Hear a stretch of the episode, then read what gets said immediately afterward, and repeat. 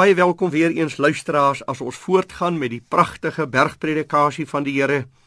En ek met u wil praat wat eintlik baie mooi aansluit by dit wat ek gister gesê het, salig die sagmoediges. Dit is weer in stryd met die denke van die mens daar buite. Want die denkerigting daar buite is ek moet 'n diktator wees en ek moet regeer.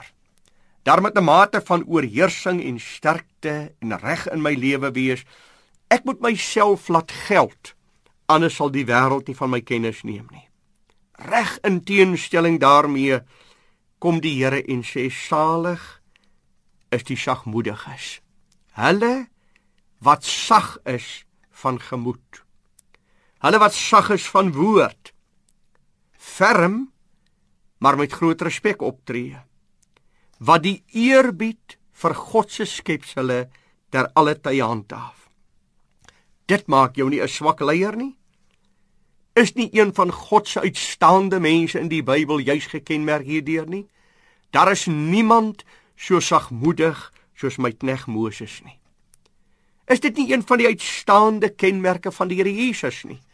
As die profetiese woord sê hy sal die dowwe lamp nie uitblus nie. Hy sal die geknakte riet nie breek nie. Hy is die een wat kom en in sagmoedigheid herstel gaan bring. Geliefde, dit beteken nie dat jy soos die weerhaan moet wees wat deur die wind rondgedraai word in alle rigtings nie. Dit beteken net dood eenvoudig dat jy die gesindheid van God, die vrug van die Heilige Gees in jou lewe sal toon. En as jy met die mens praat, dat jy in sagmoedigheid en in respek met mense sal omgaan. Weet u geliefde, onderdanigheid kan jy van mense afdwing. Respek verdien jy.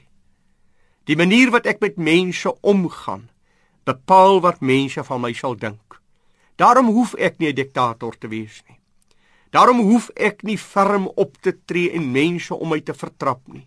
Ons is in 'n stukkende wêreld.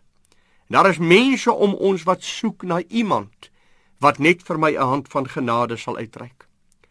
Sal jy vandag vir die Here vra om jou sag van gemoed te maak? Let op die belofte hulle sal die aarde beerwe. Dit is die mense wat suksesvol sal wees.